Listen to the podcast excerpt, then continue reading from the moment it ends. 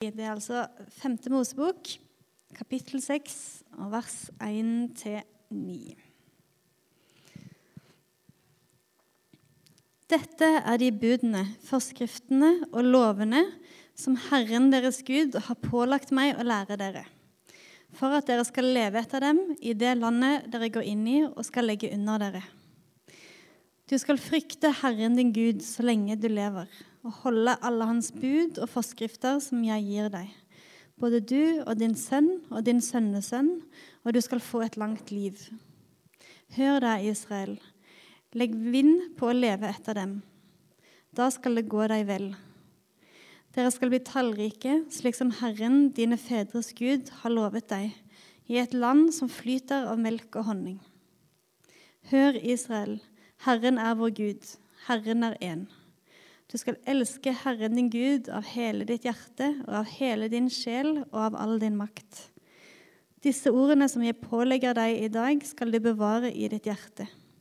Du skal gjenta dem for dine barn og snakke om dem når du sitter i ditt hus, og når du går på veien, når du, legge, når du legger deg, og når du står opp.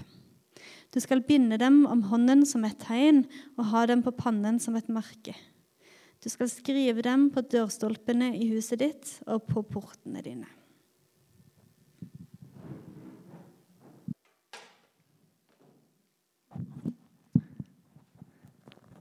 Hør, Israel.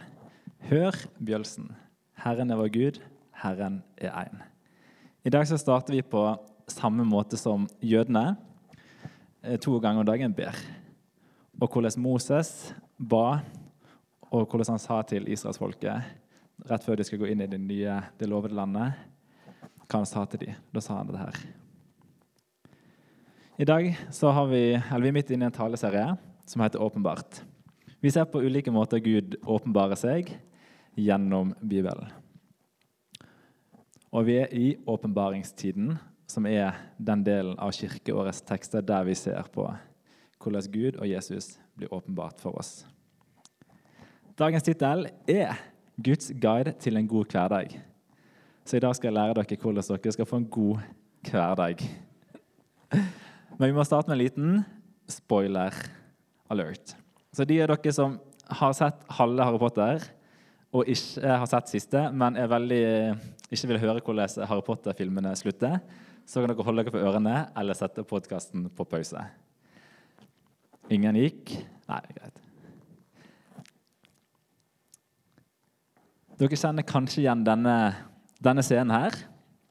Det er siste, en av de siste scenene i siste filmen i Harry Potter.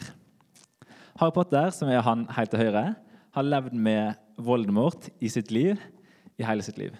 Han har vokst opp med frykt for lord Voldemort, det ondes hersker, som har prega livet hans veldig. Og så, gjennom åtte filmer og sju bøker så følger en da Harry Potter og det gode sin kamp mot det onde. Som kulminerer i en kjempekul battle i film åtte, der Voldemort til slutt dør. Beklager de som lurte på det. Så da står de her da, på denne brua utafor Galtvort og står foran en helt ny verden. Det onde er beseira, og de skal gå inn i en helt ny hverdag uten en kamp for det gode. Og Dagens tekst er litt i denne settingen her, i en veldig overført betydning. Dagens tekst er når israelsfolket har gått rundt i eh, ørkenen og skal snart gå inn i det lovede land. For likt som Harry Potter så har israelsfolket òg hatt en lang kamp. Moses, som vi kan tro han eh, på bildet, har ført israelsfolket ut av Egypt. Han ble valgt ut av Gud for å redde israelsfolket fra slaveriet. Og For å ta en lang historie kort, så går de rundt i ørkenen. De går ganske fort inn i kommer de fram til det nye landet, til det lovede land. Men fordi de ikke stoler på Gud, så sier Gud til dem at ingen av dere som er her, skal få gå inn i det nye landet. Sånn at de blir sendt ut på en ørkenvandring i 40 år, der alle de som gikk ut av Egypt, dør, og det er barna deres som vokser opp. Så da har Moses etter 40 år tatt med seg Israelfolket igjen for å gå inn i det lovede landet, der det skal flyte over av melk og honning. Så det skal være en god plass. Men Moses han får sjøl ikke lov til å bli med inn i det nye landet, fordi han sjøl gjorde noe eh, tidligere i historien som gjorde at han ikke fikk lov til å komme inn i det lovede land. Så han skal stå og sende hele israelsfolket inn i et nytt land. Det som sender barn inn i et lekeland. Altså, det er kjempefint. Og da står han der og skal fortelle dem hva de skal gjøre og ikke gjøre i det nye landet. Han skal gi dem en guide til å leve en god hverdag i det nye landet her.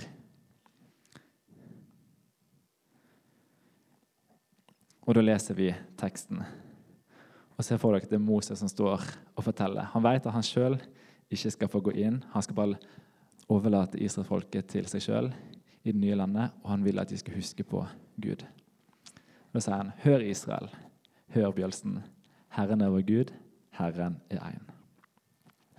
Dette er de budene, forskriftene og lovene som Herren deres Gud har pålagt meg å lære dere for at dere skal leve etter dem i det landet dere går inn i og skal legge under dere. Du skal frykte Herren din Gud så lenge du lever, og holde alle hans bud og forskrifter som jeg gir deg. Både du og din sønn og din sønnesønn, og du skal få et langt liv. Hør da, Israel, legg vind på å leve etter dem. Da skal det gå deg vel. Dere skal bli tallrike, slik som Herren dine fedres Gud har lovet deg i et land som flyter av melk og honning. Hør, Israel, Herren er vår Gud, Herren er én. Du skal elske Herren din Gud av hele ditt hjerte og av hele din sjel og av all din makt. Disse ordene som jeg pålegger deg i dag, skal du bevare i ditt hjerte. Du skal gjenta dem for dine barn og snakke om dem når du sitter i ditt hus, og når du går på veien, når du legger deg, og når du står opp. Du skal binde dem om hånden som et tegn og ha dem i pannen som et merke. Du skal skrive dem på dørstolpene i huset ditt og på portene dine. Det var dagens tekst. I femte Mosebok, som er en ganske lang bok, så er det egentlig en veldig lang tale som Moses har til israelsfolket her. Dette er bare en liten del av den lange, lange talen hans.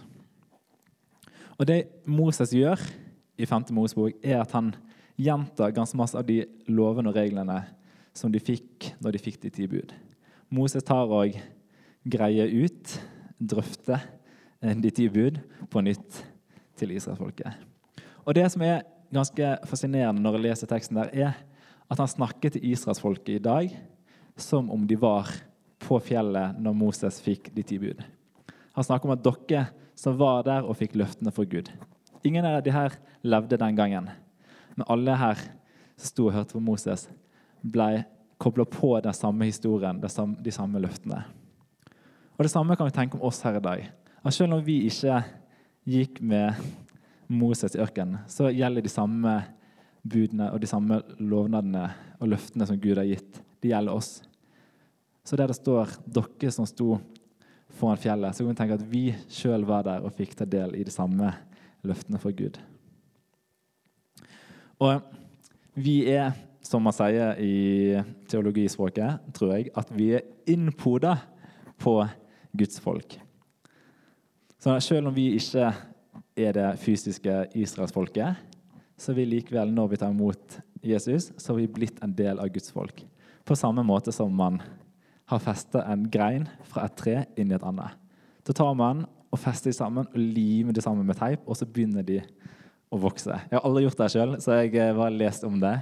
Men det er i hvert fall en måte du kan koble to greiene sammen. Og så begynner de å leve som ett tre.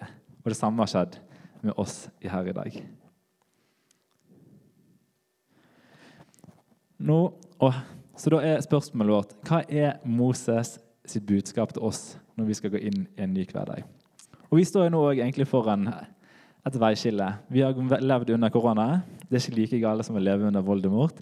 Men i hvert fall, vi, vi skal inn i en ny hverdag nå.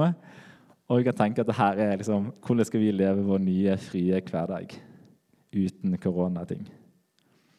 Jeg skal gå gjennom tre momenter fra teksten. Men først skal jeg si noe om bud og de tingene der i Det gamle testamentet. Hør Israel, hør bjølsen. Herren er vår Gud, og Herren er én. Jeg skulle ikke trykke. Så, unnskyld.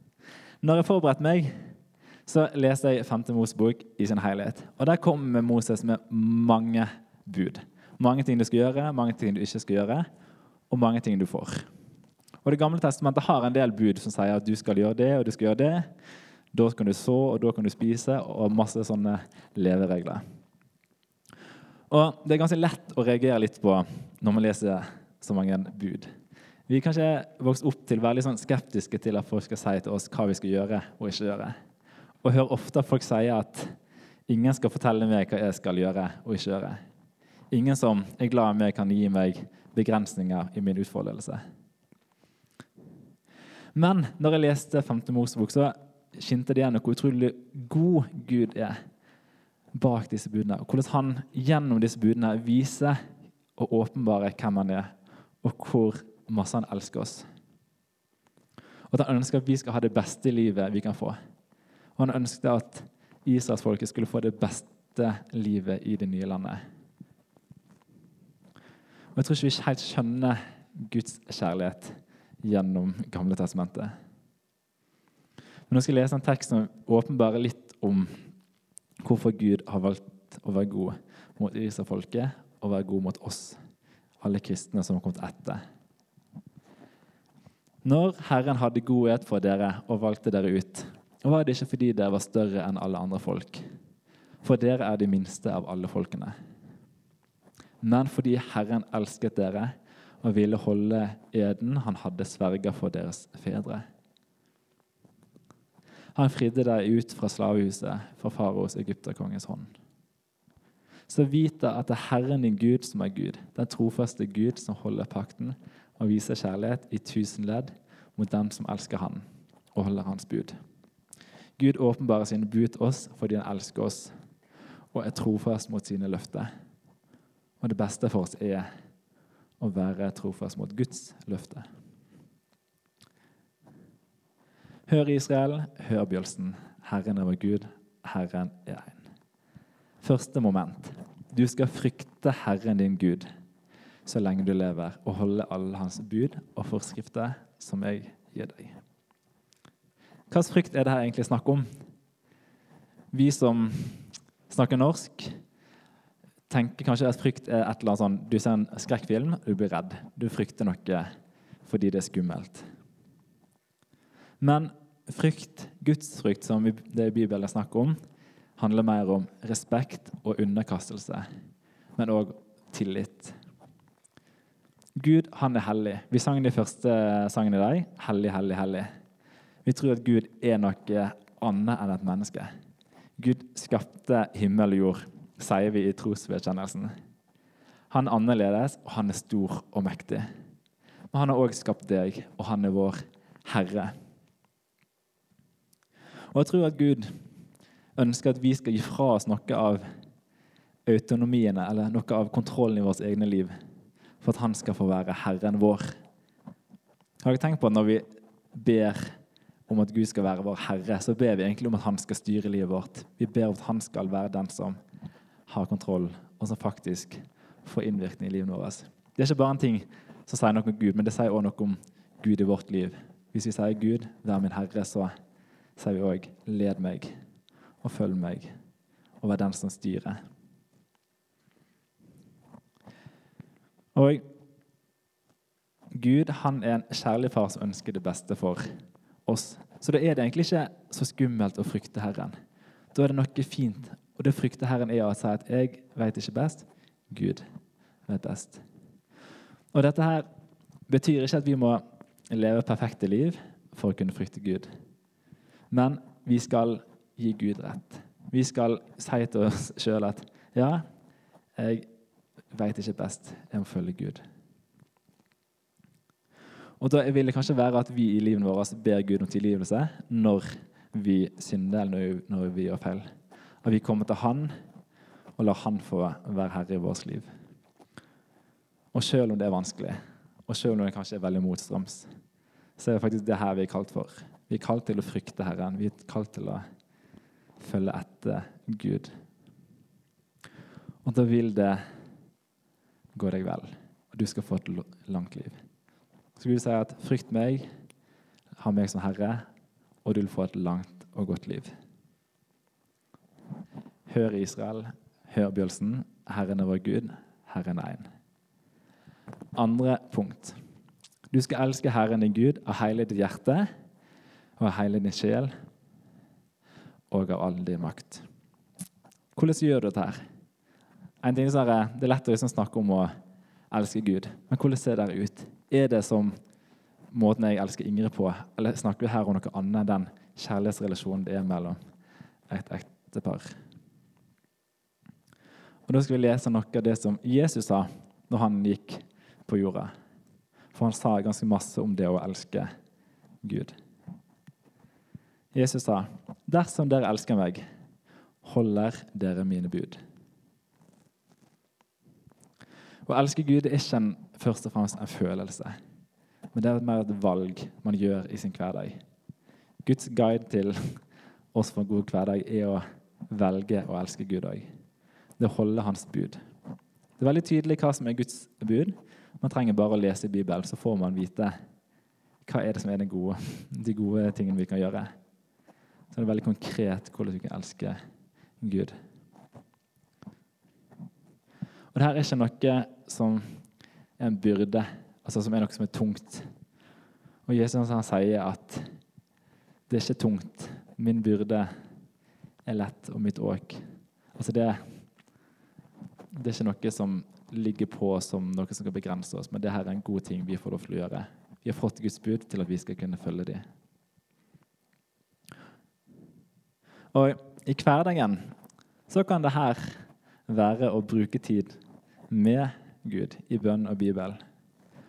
Og det kan være at vi leter i Bibelen etter hvordan er det vi skal bruke vår hverdag.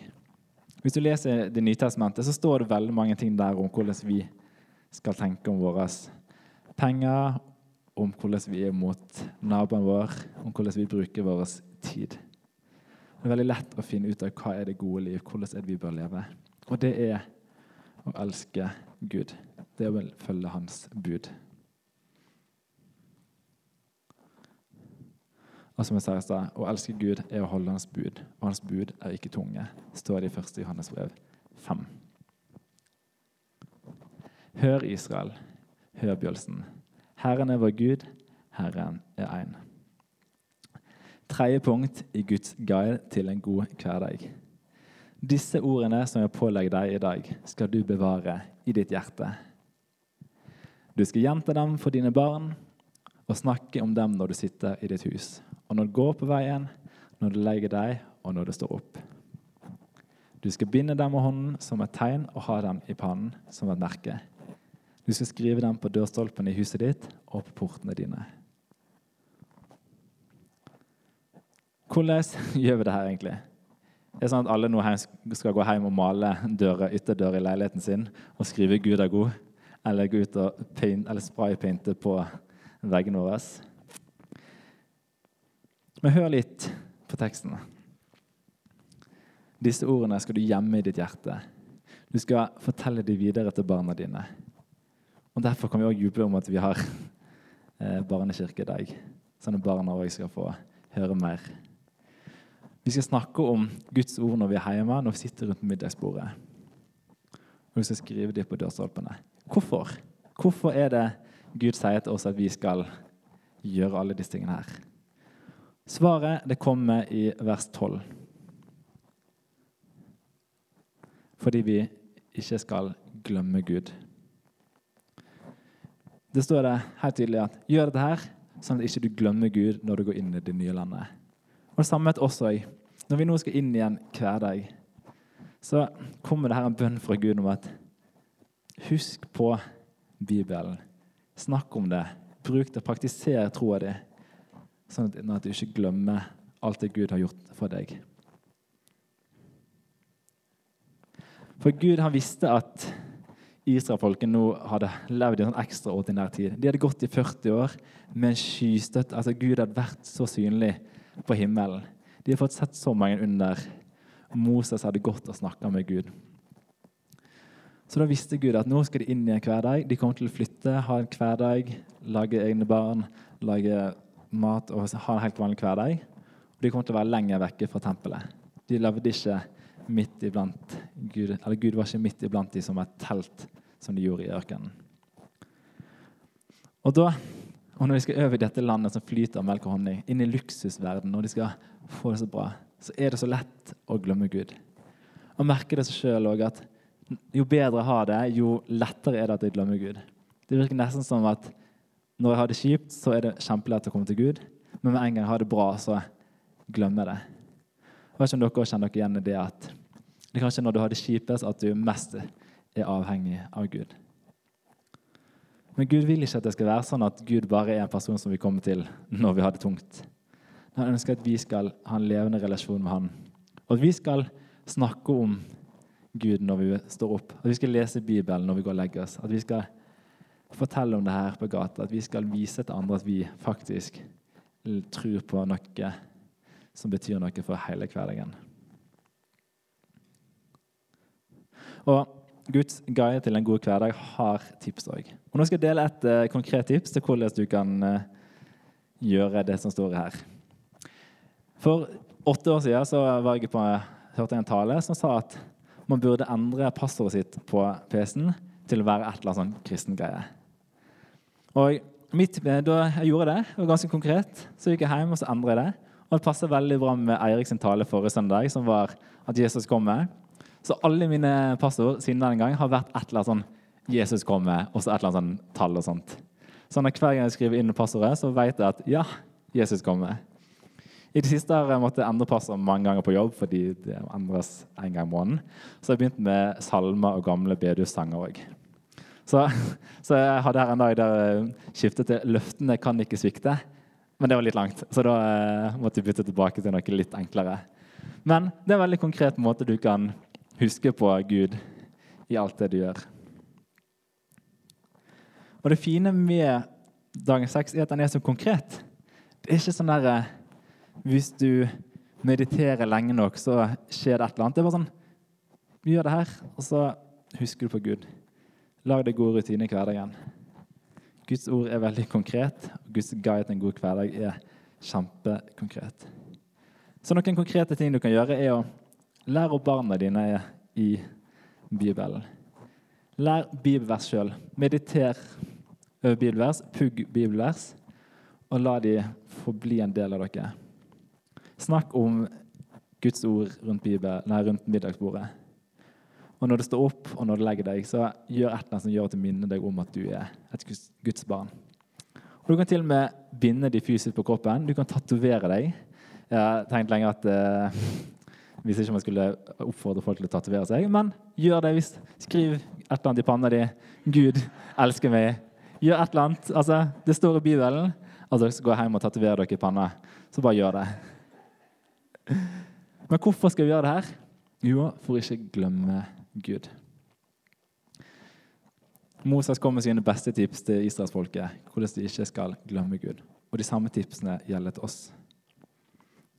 Så da fikk israelsfolket tre gode tips. Israelsfolket fikk Guds guide til en god hverdag. Så da lurer dere sikkert alle på hvordan gikk det egentlig med israelsfolket når de kom inn i det nye landet som fløyt over av melk og honning. Og da Spoiler alert igjen. De som ikke har kommet så langt i Bibelen og vil eh, vente litt, de kan holde seg for ørene. Men dessverre, det gikk ikke så bra. Det tok ikke lang tid før israelsfolket begynte å finne seg andre guder. De glemte Gud. De, seg, de begynte å leve liv som ikke passer med det livet som kreves, og som ventes av folk som er Guds barn. Men det som jeg synes har vært litt sånn overraskende når jeg leser 5. Mosebok, er at Moses er også veldig tydelig i talene sin til israelsfolket og sier at hei, israelsfolket, dere skal nå gå inn i det nye landet, og dere kommer til å feile. Dere kommer til å vende dere bort fra Gud. Dere kommer til å bli fanga. Sånn sånn, virker veldig pessimistisk på vegne av israelsfolket. Og Det virker som at Moses egentlig ikke har tro på at israelsfolket skal klare dette i det hele tatt. Men det som òg er så fint i 5. Mosebok, er at det òg kommer en så utrolig fin åpenbaring av hvem Gud er, og hvordan han, selv om Israelfolk kommer til å feile, kommer til å igjen komme til Israelfolk og hjelpe dem. Jeg skal vise det vakre verset. Herren din Gud skal omskjære ditt hjerte og dine etterkommers hjerte, så du elsker Herren din Gud av hele ditt hjerte og av hele din sjel, slik at du skal få leve. Altså, Gud viser at han skal ta kontroll. Han skal komme og omskjære israelsfolket sin hjerte. Fordi han vet at de kommer ikke til å klare det sjøl. Så gjennom 5. Mosebok så åpenbarer Gud sin plan for hvordan han skal frelse sitt folk. Han vet at vi aldri kommer til å klare å leve så godt som vi burde. Så derfor har han en plan om å sende Jesus for å dø for våre synder. Sånn at Jesus sitt liv kan få være godt nok, sånn at vi skal få leve selv om vi ikke klarer det. For vi vil aldri klare å følge Guds guide til en god hverdag på en perfekt måte. Og Gud òg veit det. Men Gud skal hver gang vi feiler, når vi vender oss om til Han, så skal han få omskjære vårt hjerte. Han skal igjen komme og gjøre det bra igjen. Så Guds guide til en god hverdag er egentlig ganske enkel. Det er lev etter Guds bud, som står i Bibelen. Men når du feiler, så skal du vende om og få ta del i det Jesus har gjort for oss. Så skal du igjen prøve å følge Guds guide til en god hverdag. Og sånn går det på repeat. Men du skal ikke glemme Gud. Den dagen du glemmer Gud, så sliter vi. Husk Gud og vend deg om til Han hver gang du ikke får det til. Og så vil det gå deg bra i det nye landet, og vi vil en dag få komme til himmelen.